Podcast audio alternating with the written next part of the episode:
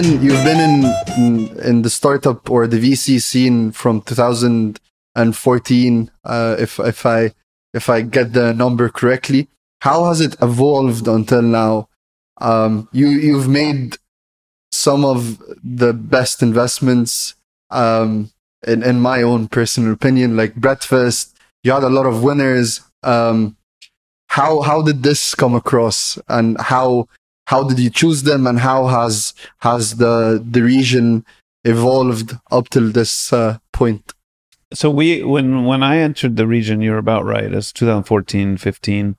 I was already 20, 19 years experience as an entrepreneur and tech executive and some angel investing, all in California. But it was the first time I had come to the region. And so, uh, you know, I, I like to stay naively op- optimistic, and I hope that never changes. Because I think the moment you become too rigid or um, too critical and you you which you're supposed to learn in school right? So we do learn to become critical thinkers and always point out the potential eh, you know risks of course. But you have to unlearn some of that to do venture early stage venture and luckily uh, you know for me it was easy to unlearn i'm just a risk taker and only a risk taker in this by the way i never traded stocks i never traded crypto i've never traded real estate so a lot of friends take risks in different ways, different risk appetite. For me, it was always this bet on myself, I building companies, and bet on other entrepreneurs like me building companies. That's the only risk I take, and I take all my risk in that. Even back then, 2014, 2015, I honestly, I mean, I can't say that I was worried about any of those issues. People would tell me the government doesn't support us. This, you know, doesn't happen in this country. We have zero funding. The law doesn't even cater to startups. Uh, you know, we don't have payment gateways. We don't have cell phone access. We don't have internet. So what? None of that really mattered. And guess what? Our hypothesis was right. It didn't matter. They made their way through it by force. And eventually people will pick up. Like, so, um, good, good example is the Careem exit. So, when the Careem exit happened, finally governments, family offices, you name it, companies started calling curious. What's a startup? Oh, what is this? How can we do more of them? Oh, well, now there's more interest because it's becoming a little, the news traveled more mainstream, right? You know, your mother might know about it. Uh, your aunt might say, Oh, I use Breadfast. You know, that actually happened to me, right? My aunt in Egypt said, I use this company called Breadfast. I said, Oh, that's one of my investments. So, how again do you choose the the winners? Yeah, uh, uh, let's not just choose uh, one low Breadfast. We can go beyond that. There's also MaxAB in the mix, Kalu. Um, the list ke- keeps on giving MoneyFellows. Um, how, yani, apart from that mentality of an entrepreneur where no matter what, uh, nothing stops me, I'll get there what else are you looking for in an entrepreneur? There's definitely a pattern in how you've been choosing the the startups to invest in. I'd like to say there is, but I, am not sure there's real science behind it, and um, we have to throw out um, the pragmatic rubrics. We have to throw those out the door, otherwise you'll miss alpha. Right. So it's a game of numbers. So the first prong is get into deals. You know, deals you think are going to be good. The second uh, prong is increase your ownership in the winners and uh, or you know the double what down. you perceive to be the winners yeah double down on the winners and so we would reserve and, and it's recommended across most venture funds to do this is to reserve half your capital for a quarter of the investments so assume that in the first few years the 100 gets uh, 25 out of the 100 are showing very strong signs of, of growth and success. So then you'll take half your capital and put it into that quarter. So you are now doubling down on those winners. So it's the same amount of capital you did the 100, but that same amount of capital is only going into a quarter of them. So now you're increasing your ownership and doubling down on those. Now that is an important part of the strategy because it gives you the weighting on the winners. Now, if you have a 100, and like we said, power law, 10 out of the 100 will return the fund if you're lucky. The common adage in venture is for every deal that you're going to go into, you expect it's going to return 10 to 20x. Because 10 to 20x across the portfolio where 8 out of 10 die that 10 to 20x the one or two that actually hit 10 to 20x returns the whole fund which gives you what number for your lps 2 to 3x only. So if you don't even hit that one or it only hits 6 to 8x your winner your biggest winner hits 6 to 8x you won't get your 2 to 3x so it matters a lot. So it's important, I think, to pull back the curtains so that founders understand the economics behind the VCs. It's not their money. They're taking money from someone else that has to beat the market. For every one company I did that uh, looks amazing today, um, I did nine other ones that either not going to work or didn't work, already died or are going to die. And so you just don't know. Now, do I regret making those investments? No, I actually built that into the fund model. It was already built in. Really, what we need on a $30 million fund to hit 3x, I need to return $100 million, right? So I need to return $100 million. The investors will get back 1x their money. There will be another 60, 60 million, 65 million left over. They'll get 80% of that and the, we, the fund manager, the, the fund, will get 20%. Those are the economics of venture capital. So it's important for founders to understand what's behind the curtain. So when they approach a VC, they know what fund is this? What vintage? How big is it? What are the ticket sizes? Have these partners invested in this before? Have they succeeded or failed? Because if they got burned three times, don't even bother going to them for the same kind of you know industry. They got burned three times. But if they had a winner once, they're going to welcome you in. Let's get another winner, you know? The, the fund here is uh, 1 billion in AED.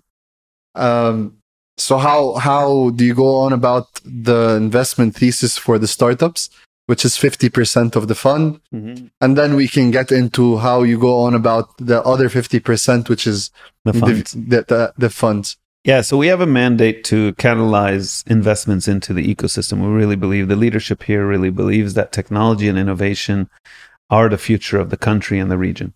And the leadership here also sees itself as a custodian to the wider neighborhood, which is a very cool, you know, feeling to have that it's not just caring about yourself, it's caring about your neighbors. And I love that. So when we think about 2050 and how do we design a fund uh, that will address those issues from now to 2050. We're thinking, how can the UAE ride along those waves in a positive way, not fall behind? You know, we know what the trend is. Okay, let's focus our efforts on that trend, which is mainly driven by technology and innovation. So let me break it down. So on the fund of funds side, like you correctly said, is 50% of the mandate. We do three kinds of funds. So we do incumbent regional funds. That means the funds that have been here doing the job this whole time, they're on their second, third, or fourth fund by now. We need them in the ecosystem. We need to be able to support them. Uh, so we do that. Now, those funds, uh, like the the next category, which is new and emerging fund managers, which is new fund managers or fund managers were, who were at a VC and spun off and you know they're going to start their own firm. Well, that's what we're talking about. So that adds plurality into the ecosystem and optionality for founders. So it's really important from a founder perspective to be able to go to different investors and find the right match for you. There should not be just three investors in the ecosystem and and three of them said no to you and then what? You're done uh, so that's that's an important component of the strategy. Now, both of these types of investors are from the region for the region. We say local regional. Um, now, that definition of what is local regional will change over time because we have concentric circles of geography. Now, uh, just to simplify things for the audience, uh, venture firms' theses are built on three pillars sector, stage, geography. So every time somebody says their thesis, you'll hear those three words in there somewhere. So we are a uh, fintech Series B investor investing globally. We see so there's always those three. We do uh, early stage AI in North America, right? So th- there's always going to be those three pillars, and you can be loose in some, tight in one, or tight in two, loose in one, but you can't be tight in all of them or loose in all of them. Then you don't really have a thesis. So you can't be we're sector agnostic multi-stage fund globally. Okay, so you you invest in everything. Like that's not a thesis. Um, or you say, you know, we only do pre-seed fintech Cairo. you're probably going to be in trouble because you're concentrating way too much. So anyway, so uh, from a geographic point of view, uh, early on, because this is a new fund, we are very much concentrated on uh, Dubai and the UAE. Uh, our next concentric circle right outside of that is MENAPT, and our next circle after that is MEASA. So that's important. Keep that in mind when when I say incumbent regional funds and new and emerging regional funds today. That means UAE, but tomorrow, you know, soon that will be MENAPT. So an example of that are some of the Egyptian or Saudi VCs. Today, I don't look at them unless they have presence and investments in the UAE. But tomorrow, when we open up to our next circle, then those will be funds in that circle and they'll be considered regional funds. And then the next circle includes sub-Saharan Africa and South, A- South Asia, which is India and stuff. So we're taking that by stage. Now, the third kind, third and last kind of fund that we do is international funds. So international funds have a sort of different criteria for us to consider them. One of them is that they have to be vertically specialized funds. So you need a deep tech fund, AI fund, healthcare fund, fintech fund, etc. I don't want uh, sector agnostic international funds necessarily because we have sector agnostic funds here already. And we want to make sure that we are being thoughtful about complementing the ecosystem, not cannibalizing. Now, international funds also cannot be first time funds. Well, so what we're saying is we want experienced fund managers with experienced deep tech portfolios in healthcare, deep tech in fintech, deep tech in AI, not business model clones. Because if you want business model clones, we got them right here. So you know, so so every step of the way of building this thesis was how do we complement and not cannibalize? So those are the three kinds of funds uh, that we invest in. Now, on the direct side, we do pre-seed to Series C, so five stages, which not a lot of VCs cover five stages of investing, but um, I think we're fortunate that we get to do that. Most of the very successful funds in the world are multi stage. If you look at a lot of the top tier funds, they like to come in relatively early and they like to stay with those companies, you know, the winners, especially um, for multiple rounds. And it gives us the flexibility to do that. So if the need is at the early stage, which we have an ABC strategy, we call it. So the fund of funds program we call Anchor. The early stage, which is pre-seed and seed, we call build. And series A plus or series A to series C, we call catalyze. So A, B, C. So it's about trying to use the capital that we have to address all the parts of the ecosystem where capital is needed. And uh, in the pre-seed seed stage, we you know it's it's a lot of what any other investor would be investing in the region. However, we don't typically go after the low-hanging fruit we don't do things like commerce or commerce enablement. We don't do on demand. We don't do marketplaces. Um, and we don't do tech enabled. We do tech. So that's a differentiator from the private VCs already. And it's a question we constantly ask ourselves why is a government backed fund taking equity in startups? What's its role? Why is it doing that? And so, just like DARPA and In-Q-Tel and many of the initial catalyzers in other countries, it is in order to push certain technologies. We want to push the envelope on technology in the region, in the UAE. So, all the, the vanilla technology that you see or tech startups that you see, all the business model clones, look, the, the private VCs are already taking care of those. It's primarily, as we said, 90% of startups in the region are that.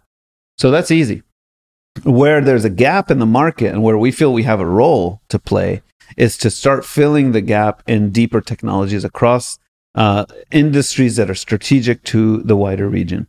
So we have a thesis developed on two thematic pillars. We call it Future of Finance, which is the 15 to 20 subsectors of fintech. It's reg tech, legal tech, the finance side of Web3, and then horizontal themes like financial inclusion and embedded finance. That's that pillar. Now, the other pillar we call future economies, and it's a much wider uh, thesis on that. And it's really tied to the SDGs and the 2050 economies. So we didn't define it by, hey, what sectors do we want to invest in? We defined it by what happens to global economies between now and 2050? What are the problems that they're going to see on, along that path?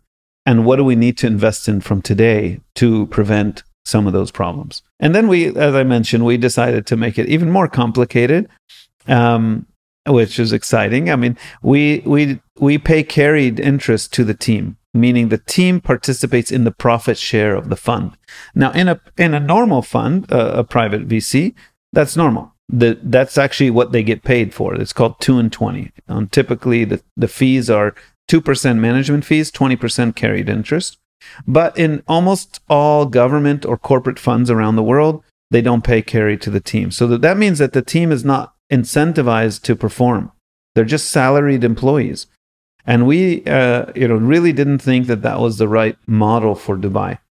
Dubai is very enterprising. Its roots uh, from the ports to the free zones to to everything Dubai has done to diversify GDP away from oil and gas, um, which has been very successful over the last 50 years, is exactly how we wanted to think about this fund. So the evergreen structure plus the application of carried interest to the team really steers us into a very performance driven but patient capital fund. So that's, I would say, extremely unique globally. I mean, I know Canada pension funds, so can, Canadian government requires pension funds to pay uh, performance to their team. Uh, but it's it's very difficult to find examples beyond that. So well, that is a that's one aspect of the fun I think that is really unique. How do you distinguish the futures of, if that makes sense? I mean, you always have to be thinking in advance, and uh, I don't know, 10 years ahead. And in 30 years' time, if you're looking back, you have to make all of those right future calls. Right. How do you distinguish, like, this is within future of health, this is where we should probably be looking at? and let's uh, extrapolate that beyond health and all of the different yeah, future I mean, ones? That's a great question. It, luckily, we don't have to figure that out by ourselves. There are hundreds of thousands of researchers in every one of those categories. And so if you look at the publications coming out, and, and we know VCs who do this already. So they have scrapers that follow publications among very specific subsector areas, right? Um, and they might they they follow the trend of the articles and publications that mention those technologies and you can see that graphed over time. So you, you see when something comes out of a lab or still in a lab for 20 years right? Just talking about wireless charging let's say. Uh, we're talking about remember there was this conversation some years ago about being able to charge your cell phone without putting it on a charger so just in a room and everything all your devices are just being charged through the air it, it turned out to be bogus but you'll see that that stuff is started starts being talked about in laboratories for years. Then it starts to go into like nature or scientific, right? These these publications. And then if more people, more scientists start to replicate the experiments that were done and prove the hypothesis two, three, four, five times, then it becomes bona fide uh, discovery. So you can monitor those things across thousands of disciplines. And it's all there. You just have to pay attention to it. Right. And then surrounding ourselves by a panel of experts in each of these areas. We're hearing the zeitgeist, we're hearing what's happening on a daily basis. Generative AI, for example, we've been talking about that since I think early 2000s. So it's just went mainstream last year. But this is stuff that's been brewing for 20 years. so you could tell, like, uh, I had a friend in Saudi um, who was in VC, and you know, I asked him, "What are you going to do next?" It was during COVID.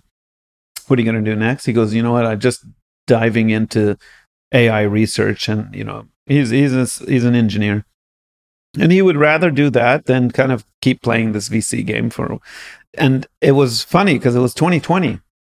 So 2020, he decided to quit his job and just focus on that, even in Saudi, right? And three years later, everybody hears about ChatGPT and all that stuff. But like, um, those things are brewing way, way under the the current before the mainstream world hears about it. What would you say are the biggest challenges in general of running um, a fund of such now that it's been structured?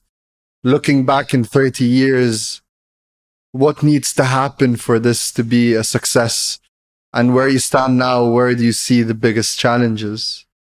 So I'd say the initial challenge was just setting it up, uh, getting the fund structure right, and aligning incentives right. Uh, so I spent, you know, some number of weeks at, in 2021 when I was doing it, um, coming up with all trying to look at it from every side of the building right like go around up down like is are the incentives going to remain aligned where are we going to face challenges uh, and what are some of the objectives we're trying to solve for so one of the objectives globally vc is trying to solve for is liquidity how can venture increase liquidity a little bit uh, compared to this 10 year blocked you know timeline so for us, we can actually provide liquidity in the form of secondaries or other types of offerings to the funds in our portfolio and to the startups in our portfolio. And one of our first investments here in Dubai was actually a platform that does that.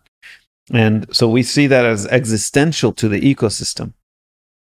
Now, um, the other challenges aside from just setting it up are still coming because we set up a an, a basic structure, just like I explained. But we know that in five, I won't say 30 years, but in five, 10 years, we're going to need to answer some questions about this that we didn't have to answer yet because we were just starting. So, for example, um, how do you apply carried interest or how do you calculate carried interest on an evergreen fund? You need some timeline, a, a start time and an end time. Otherwise, what are you calculating the carry on? The whole fund forever? It doesn't make sense. So we employed a, a mental framework of cohorts. And every three years to us, we define it as a cohort. So when capital is deployed within the cohort and team members have vested or worked within that cohort, that's the timeline. That's the start and end time. And then in year four, we start the cohort again. Now, from the fund structure, it didn't change. The, there is no timelines. It's evergreen. But what we do is just mark the fund at certain points in time to calculate carry for the team. So that worked pretty well. Now, it doesn't mean we answered all the questions. Still, in four, five, ten years from now, we're going to have some challenges to figure out. So, for example, if we want to open up the fund to other types of investors, we need to give them terms ahead of terms for the fund.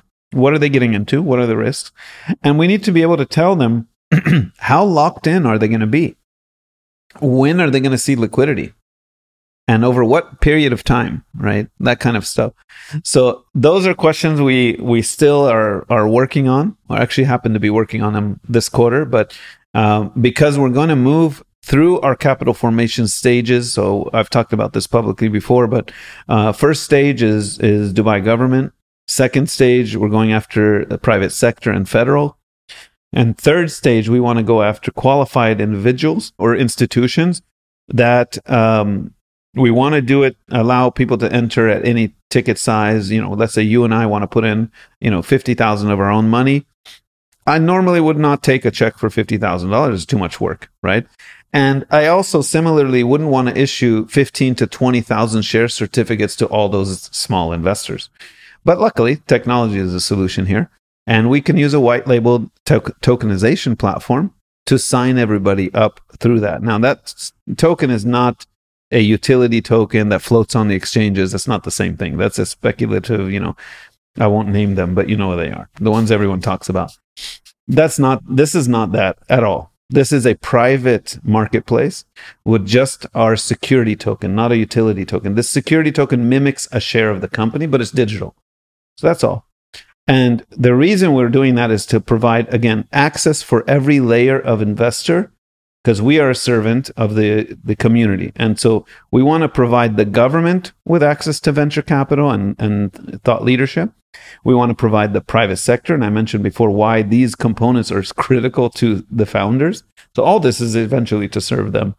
Um, and third, uh, qualified individuals who want to invest but maybe don't have access, don't know how, or don't have you know big tickets to do it with. So that's the solution for the investor side of the map. Is there anything that excites you? Any anything that's been brewing you're looking at and you're like, wow, like yeah, I mean, uh, you're talking to the, the, guy who gets excited about everything. So, I mean, uh, I really want to see solutions in healthcare. I really want to see solutions in food. Um, I want to see efficiencies in, in manufacturing and supply chains that are better for the planet. Uh, I mean, all of those things are exciting. CRISPR technology and the newer versions of CRISPR that that are that are being studied now are extremely exciting for humanity and for disease control and uh, disease prevention. um, and genetics and a lot of the things that we're facing because probably because of some of the foods that we're eating or the environment that we're in. So everything is is intertied together. And my hope, and you know, the conclusion is, I hope borders go down, and I hope countries support each other. You know, in a it, and it becomes a human globe rather than a a, a company based globe. Now that is uh, there are some signs of that happening in when when we're looking at tackling the largest problems in the world related to energy. So, uh, for example, Morocco's solar farms are meant to feed the uh, the European Union. That is really interesting. So it's like it's like in the old cross border trade, but this is different. This is us providing resources we have to other places. It's a different vibe than than the last 50 years right? Uh, let me come into your country and protect you but i'm going to take your resources. That's how old foreign relations work. I hope this becomes the new way of foreign relations. It's like i have an abundance of x you guys have y well i'll give you more of the x because i don't need it.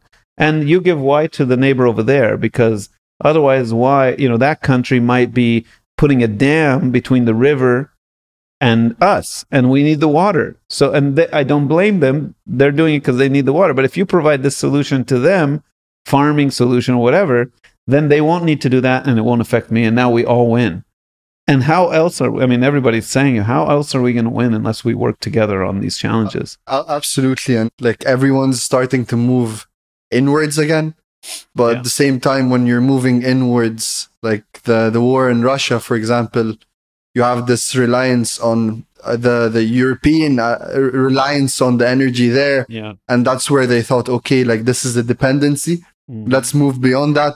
But then you have the engineers coming in from Russia to here, and they're doing the work, the yeah. amazing research, and so on Ukraine, and that's where it becomes, you know, connected again somehow. It, it's like the rocks in the riverbed are the protectionism, but the water has to flow. So, despite what happens, it's not like we need those things to get fixed in order to, for us to do the good stuff. The good stuff is going to happen regardless. And it almost happens despite uh, opposing initiatives that are trying to block it and keep it controlled and all of that. And again, I mean, the more open the world becomes, the less reason people will have to go to war, hopefully. And it sounds optimistic, but I really do think that that there's a chance for that. Um, and and then there's there's the ability for for companies and governments to this not the ability there's a trend where eventually there will be such huge monopolies in certain areas like you look at some of the big tech companies they're being called out for it or countries that end up uh, amounting a certain amount of resource capability that others don't have. So if that happens, then it's going to negate, as we know, the need for many types of jobs.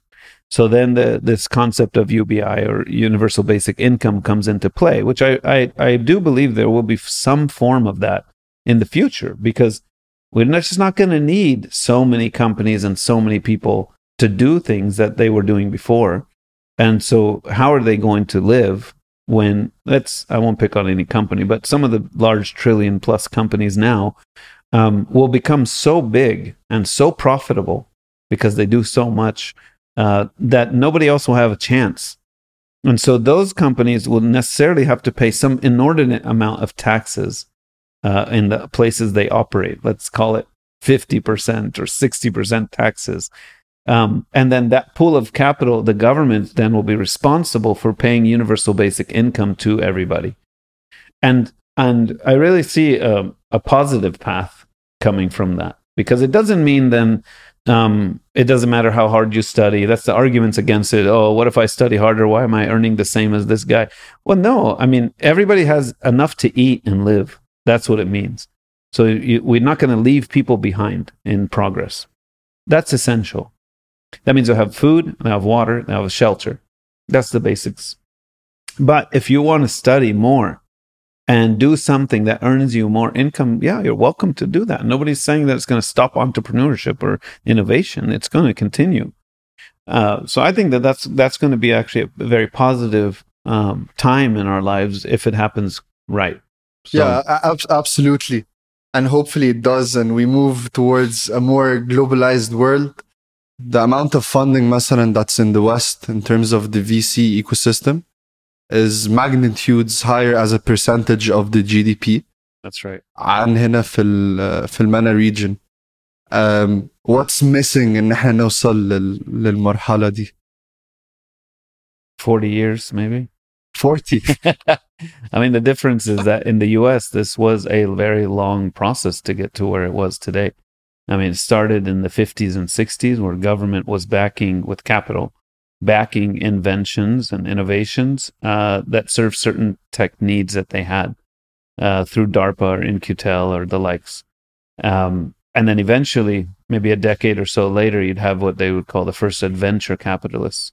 And then they removed the A uh, and just became venture capitalists. But Arthur Rock and, and a few others uh, followed a team of engineers from uh, what's it the uh, SRI research, yeah, the Stanford Research Institute, uh, and and uh, Fairchild Fasteners was one of the companies I believe that they created, and then they went on to create others that were backed by uh, Arthur and a few others. So it it was a very very small start, and it wasn't even an industry, and um, so I would say it takes forty years to get to where they are, but.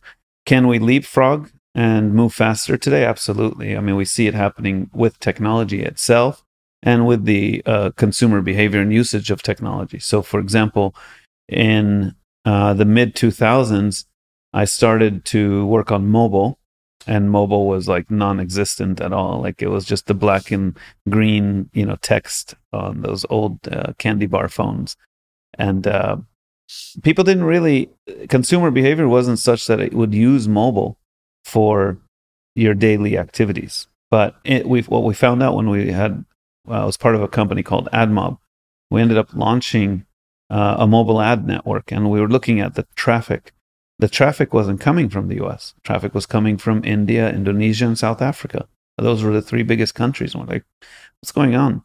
And what we found out is in those countries, to buy a laptop or a PC, the everyday person doesn't do that. But a phone they could actually buy. So they were using their phone for sports, uh, news, horoscopes, games, you know, different things like that. Whereas if you just had been myopic about it and looked at the American consumer, there's no way an American consumer is going to look at that little black and green, uh, what we call the WAP 1.0 technology. Uh, so HTML5 and uh, WAP 2.0 didn't come out until later. And we didn't have the devices or the hardware to catch up to that. And finally, when the uh, iPhone came out, 2007, it was the first time there was a big color screen for the internet on your phone. Then we saw consumer behavior pick up everywhere else. My point being that um, in emerging markets or developing countries, don't expect that they will go through the same A, B, C, D, E, F steps that originated these ideas. So, in we're going back to the U.S. example. Yes, it has an enormous amount of capital, approximately three percent of GDP, right, uh, being invested into private companies. We're at 0.03 here. The last time I checked was a few years ago, and, by my estimate, the MENA region could use 16 times more capital than it had. And just uh, for the audience to know, when in 2016 17 18 up until probably 2019 we had not hit 1 billion in investments across the region yet we did now you know we've passed that number now uh, but just 1 billion so 16 times that means that at that time we should have had 16 billion dollars of funding into the ecosystem for all levels of the ecosystem. ايه components you would say that are needed to leapfrog للحته دي where it's taken from 0.03 to 1%. What what's missing? What are the components? So we're probably doing better now than then. Uh, and it was also started around 2018 19. We had much larger uh, sovereign wealth funding distilling down to the local regional startup ecosystem, venture and, and startups. these sovereign funds before that, uh, their check sizes were much bigger, and um, their ability to write smaller checks was just not there yet.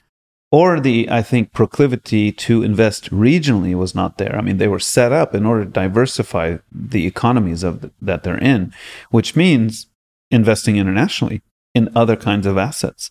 So there was a big turning point where uh, when I launched the first fund here in 2017, we had just finished a two year uh, cycle of convincing some of the sovereign wealth funds to create smaller fund of funds so they could invest in the VCs.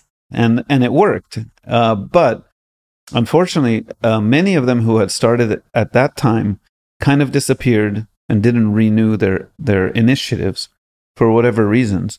Uh, but a new wave of them came in that were actually much bigger. So we have uh, a, a, couple, you know, maybe more than a couple in Saudi, very large funds with an extremely clear mandate that this is to invest in the startup venture ecosystem of the region. And in Abu Dhabi as well, there's two large ones. Again, the rhetoric is now focused on the region uh, to do early stage venture and, and startups. That just didn't exist before that. Uh, so that there's capital now. I think if you look at the numbers in the wider MENAPT region, I think it hit three billion, but dipped now underneath because of the market downturn. I think if we're expecting to kind of recover from this in Q Q1, Q2 next year. We'll probably hover around, let's say just MENA, probably hover around 1.5 to 2 billion a year in deployment. So it's still very good progress in a very we have to keep in mind the number of years. So again, where did the US how did it get to where it is today? How long did that take? 70 years. For us to get to 2 billion in funding uh, in call it 5 to 7 years, is actually leapfrogging from a funding perspective. Now, there's leapfrogging from other perspectives as well. So, uh, adoption of technology and infrastructure.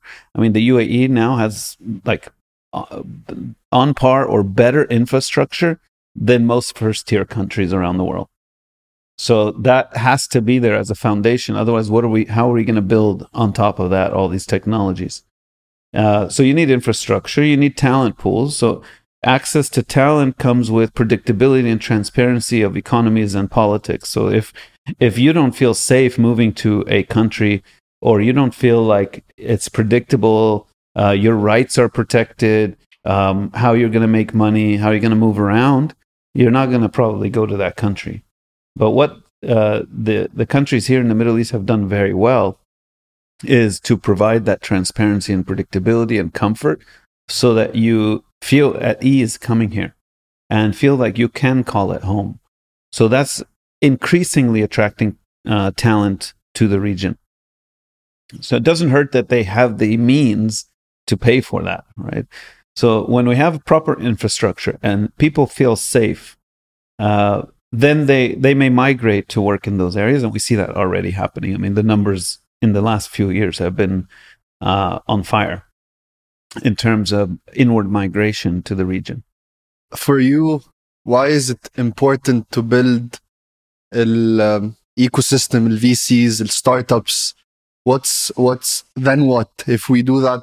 Uh, what's we we were talking earlier um, about the network effect in Silicon Valley. And we always try to dissect like what made Silicon Valley Silicon Valley. I mean, everybody's been talking about this for 10 years. And how can we become the next Silicon Valley? I'm sure you've heard that. But um, when you break it down, I mean, it, it's pretty uh, simple inputs, but they created a, a network effect. And um, from for here, uh, as long as we can provide capital to these founding startups or these founders and talent. It gives them an opportunity to address pain points that either enterprises are facing or consumers are facing. We luckily have a green field here where there are a lot of services and products that just don't exist that exist in other places. So you see that um, very high uptick in copycat models or business model clones, which is fine because we don't even have those services anyway. And why reinvent the wheel? So that addresses a lot of what the activity we've been seeing in the region the last few years. Um, it's what I would call like lower hanging fruit. However, um, we still have a need to address the innovation side of things where we're actually creating innovation. Back to another point you and I were discussing earlier, which is um, you know, can you be a net exporter or an, are you a net importer society? We know we need to move to a net exporter. So in the same lines, we can't just keep copying other businesses. Uh, we need to start to create businesses that address problems locally or uh, from from the region to the world, where you can have a founding team building a product that is on par with the best of the best anywhere in the world for that type of product. Now we see probably less than ten percent of startups in the region are like that, but that has been increasing in the last couple years too. And I, I suspect with a lot of the geopolitics happening globally, more talent as it comes to the region will be the same talent that would have invented that somewhere else. So that nobody can ask the question anymore can that invention or can that smart technology come out of the region? Of course it can. I mean, there's actually history here that nobody knows is that from the 80s, Egypt was a research center for many of the multinational tech companies. And acquisitions in the region actually started back then, but they're, they're just not on record. But if you talk to some of the let's say older generation Egyptian engineers and and you know so they weren't even called tech people back then they were just engineers if you talk to them about the stories of IBM and Microsoft and others uh, Cisco I think and a bunch of these multinational companies they had a lot of people in Egypt and they were acquiring small teams in Egypt this is before anybody talked about uh, that as a strategy it was happening so uh, this came about when I was talking to uh, another Egyptian VC about acquisitions because when I go down Sand Hill Road in the US before I moved here, I said, How come nobody's investing in the Middle East? First thing they would answer, and it's almost consistent across everyone I spoke to, would say, What are the exits? Right? We saw uh, Yahoo acquired Maktoob. Okay, that was a really good one. But they didn't know of anything before or after that. but we knew. We knew there were more because that was already seven, eight, ten years ago. So we had looked at that and we started to track all the exits that have happened in MENA, tech exits. Since that point on, now MAGNiTT tracks it. There were something like 70 exits after Maktoob that were not really uh, in the news in the West maybe not as big, but there definitely were some almost as big. Like Talabat's exit was as big, Carriage's exit was as big. You had Namshi, you had, you know, and then you had the big ones come in with Souq and Careem. That really put us on the map. And then it started to garner a lot more interest from the West. So we need to ask ourselves before we ask somebody else for something is are we do we have all the components we need to attract that that entity or money or person that we're asking to come here? So we say, hey, talent, you guys should move here, we should ask ourselves, do we have the right foundation for them? If we ask VCs to come invest here, okay, well, what, do what does a VC need? Clearly, it needs to complete the cycle and, and get liquidity at the end of funding. Do we have a way for them to get liquidity here? And so, in my initial foray into the region was 2014 15 timeframe. Uh, that's when I had posed that question to the VCs on Sand Hill Road, and I got that answer. So, ever since then, We've been always studying the inner circle. Do you have founders that can start companies? Can they recruit talent? Uh, can they get customers? Can they get initial capital? And then can they exit? So that was always the inner focus.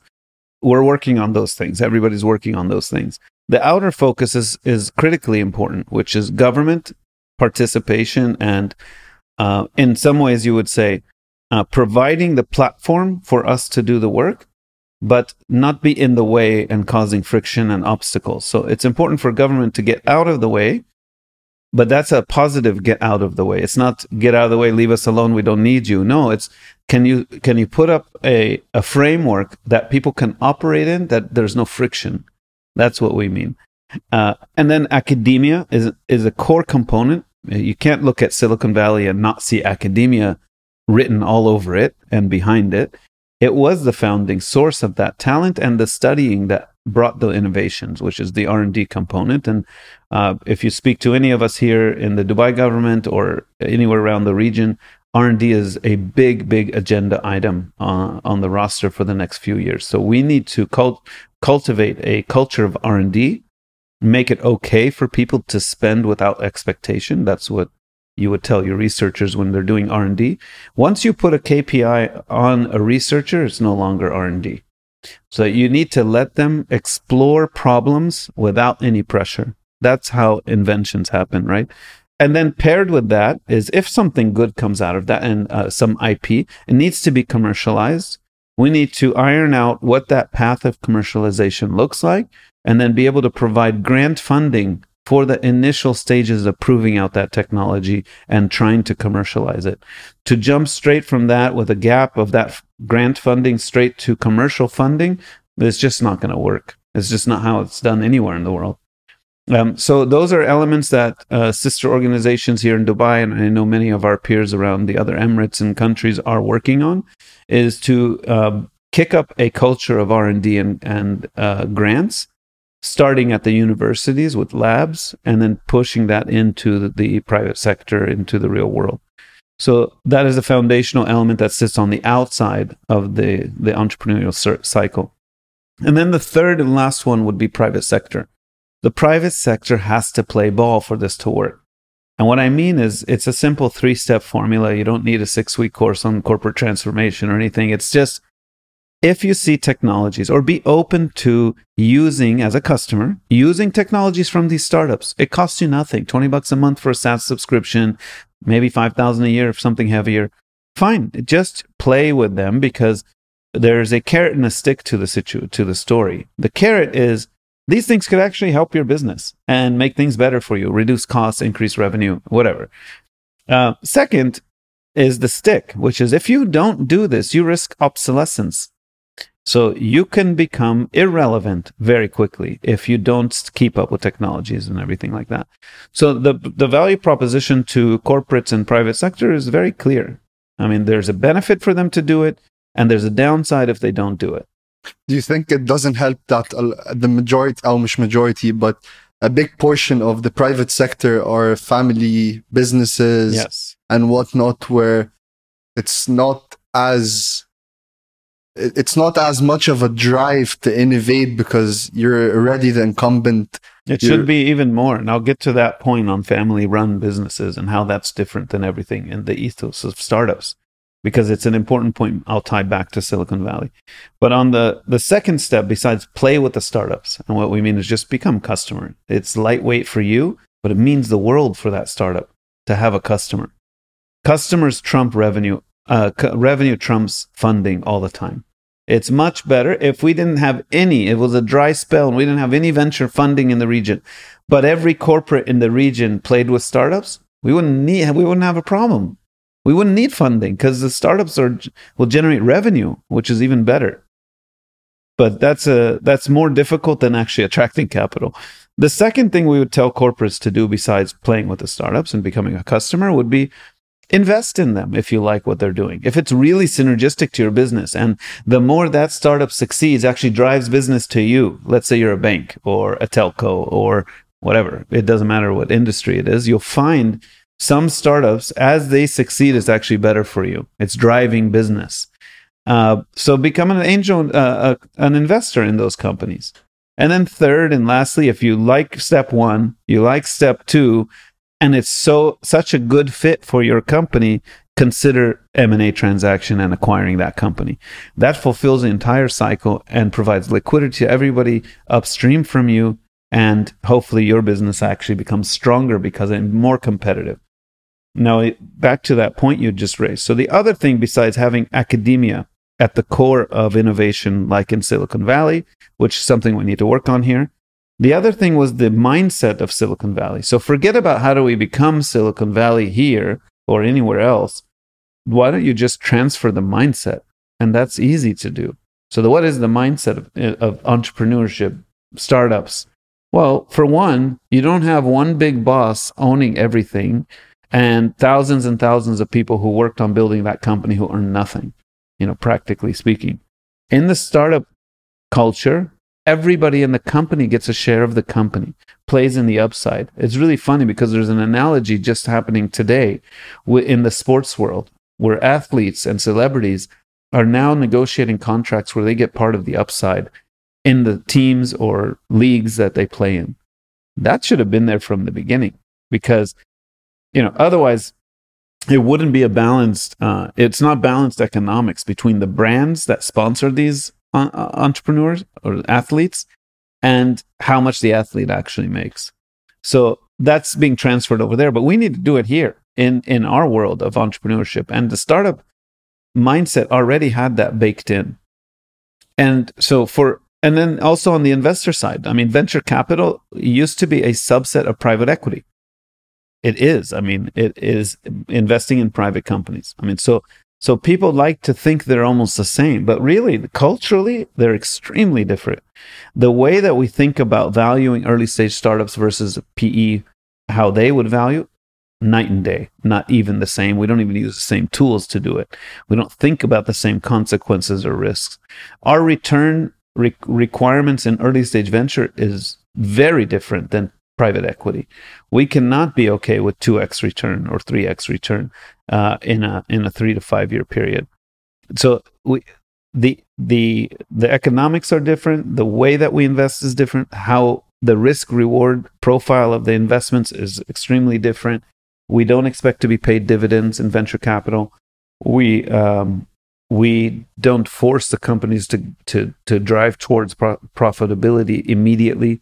Uh, we do want them to be cash flow positive and have positive unit economics, but that's often gets uh, uh, muddied with the idea of profitability, and they're pretty different concepts. So those are just some of the things where culturally we're starting from a totally different foot than than any of our you know let's say uh, sibling type of investment uh, strategies. So from the investor side, even the VC's behavior is supposed to be a, a, a, posture of optimism. And not that you're seeing that every day. I know you don't see that, uh, especially in new markets where not all the VCs came from an operator background or, you know, come from that culture. So you don't always see it consistent. It's just like religion. You want to know the religion, study the religion, not the people. And same thing with venture capital. You want to understand venture capital, study the stories and the you know the principles gu- guiding it don't study the the vcs you see in the market because not all of them really embody that. And and also the founding of silicon valley could be traced to texas instruments. And back then it was a group of of essentially uh, academics. Mm-hmm. and then you know you had this position they were in where we're not getting enough equity. They were not giving it out. And that was the, the they you know they basically started their own thing which then became intel where then you have that esop mentality the Traitorous Eight. Exactly. Yeah. So so that was that's an interesting point you make because there was r&d but r&d wasn't treated the same way. So you could be a big company and have a small r&d team but they were just feeding into the company. And yeah like you said there's no incentive alignment for them to do anything crazy. But they a lot of these engineers in those early days realized that they want to study other things they want to research other things but it's not on the company agenda one two what incentive they have to go out of their way to study this stuff so they actually wanted to they didn't even think at the time we can actually go off as our own team, rent an office, and just do R and D. Well, of course, that would be a silly idea because who's going to fund you? And that's where this all started, actually, because you know you only do that for a big company. Why would you do it on your own? Of course, on on the other hand, you would have you would have research happening in universities, but again, nobody's paying those people to to to actually come up with something. So that changed very quickly after the first couple investments, um, and it was Intel and Fairchild Fasteners, I think, that were venture funded, if you will. I mean, the term didn't exist, but that's what it was: angel investing or something. Somebody saying, "Look, I'll just give you guys money to come up with these couple ideas that you're thinking about." That was almost non-existent before, and now it's it's commonplace, right? You see it everywhere. What would innovation mean for the middle class or the lack of in the region? That that's I think core to the whole mission. Uh, so you hit it on the head. So why would we do this in the first place? Why is it so important to this? Why is it important for me? Uh, which to me that's an important question to answer. Otherwise, how do you know where you're running to in your life if you don't have meaning and you don't have a mission that you're behind? Maybe other people don't need it, but for me, I need that. And all of this is because uh, we see that I see that entrepreneurship works. It can actually elevate the lower class into the middle class, the middle class into a larger, healthier middle class or upper class. I mean, I don't like to say move them to the upper class because that's not the goal. Like that's a nice to have, and it does happen a lot uh, because you can get outside return, outsized returns in venture. However, um, what's more important is that the bulk of humanity just moves up the ladder. So social economic fabric improving. That's important because it will increase stability, increasing stability and, and accountability of humanity or the, let's say the residents of any any country uh, gives them more to value in life and more at stake. And when people have more at stake, they typically will take less uh, political risk, let's say. So stability is what we're after and it, it, it in every way I look at it, it is a better formula for stability than a lot of what you see happening with NGOs and governments and stuff trying to like in the name of stability take certain actions. We actually prove the hypothesis is proven in, in the venture startup uh, entrepreneurial ecosystem that it does provide those things already and it provides capital return to investors it it provides wealth distribution to employees of startups to, because everybody in the startup gets a share. So when that's all happening to society, there are less angry, less uh, uh, worried, or or uh, less anxious about their future because they feel that there is stability around them, and they feel maybe you know hopefully they feel that the society around them is actually improving, quality of life is getting better. And it happens through things like access to information, access to, or freedom of movement, uh, a number of these sort of things where at the human level, uh, they'll feel a difference. Now, at the macro level, technology happens to have solutions for every, you know, every, I won't say every problem, but every subject. So we have technology addressing healthcare, you have technology addressing supply chains and logistics, you have technology addressing even regulation and governance and uh, finance, you know, and education, and you know, across all these different sectors. Um, but one really interesting one is if we can further uh, use technology to address the SDGs, which is a lot of what the uh, thesis of the Dubai Future District Fund is, is to look at which problems are going to become the biggest problems for humanity or uh, or companies or governments or whatever it is and try to u- leverage technology to address those problems. And a, a number one uh, area within that because it's related to a lot of the other sdg issues uh, is is energy. And energy is a big behemoth of an industry right? And has different facets to it. But even at the from from where we know, we've already seen technology be able to address uh, cleaner energy, greener energy, which is okay, good for the planet, potentially good for agriculture, potentially good for food, potentially good for water, which is good for you know a lot of other things that are detrimental or um, we're we're at high risk uh, in a number of these areas if we don't find solutions to. So that that's the health of the earth, all the way down to the health of you know the people on it. Uh, technology ha- can have solutions for all of these different things. And so if we're able to address cleaner and greener energy which means that we're reducing our reliance on fossil fuels well all of a sudden all these ideas come into our heads which is weren't most of the wars that happened in the in the world over the last 100 years related to battles over land or or resources natural resources mainly fossil fuels mainly. Uh, so what if? I mean, this is the game of of having an, a curious, inquisitive, inquisitive mind. The the inventor, the you know, the entrepreneur always thinks, "What if?" Right. So, and it's those crazy, sometimes outlandish ideas you have at a coffee shop with your friend that actually can change the world, if not at least change your little circle of society around you. So, if if we can come out with less reliance on fossil fuels through the use of technology for a given region, country, city, whatever you want to call it, um, then it improves couple that with stability on, of the citizenry, it then all of a sudden maybe reduces the uh, chance of wars. It reduces the chance of geopolitics. Maybe nobody. I don't know for sure if that would happen, but that we, we're optimistic again. I mean, it's back to the culture of startups and venture capital. Is we're we're supposed to be optimists. We're supposed to be looking at the upside all the time, with proper due diligence and governance and everything. Not like the crazy last five years, right?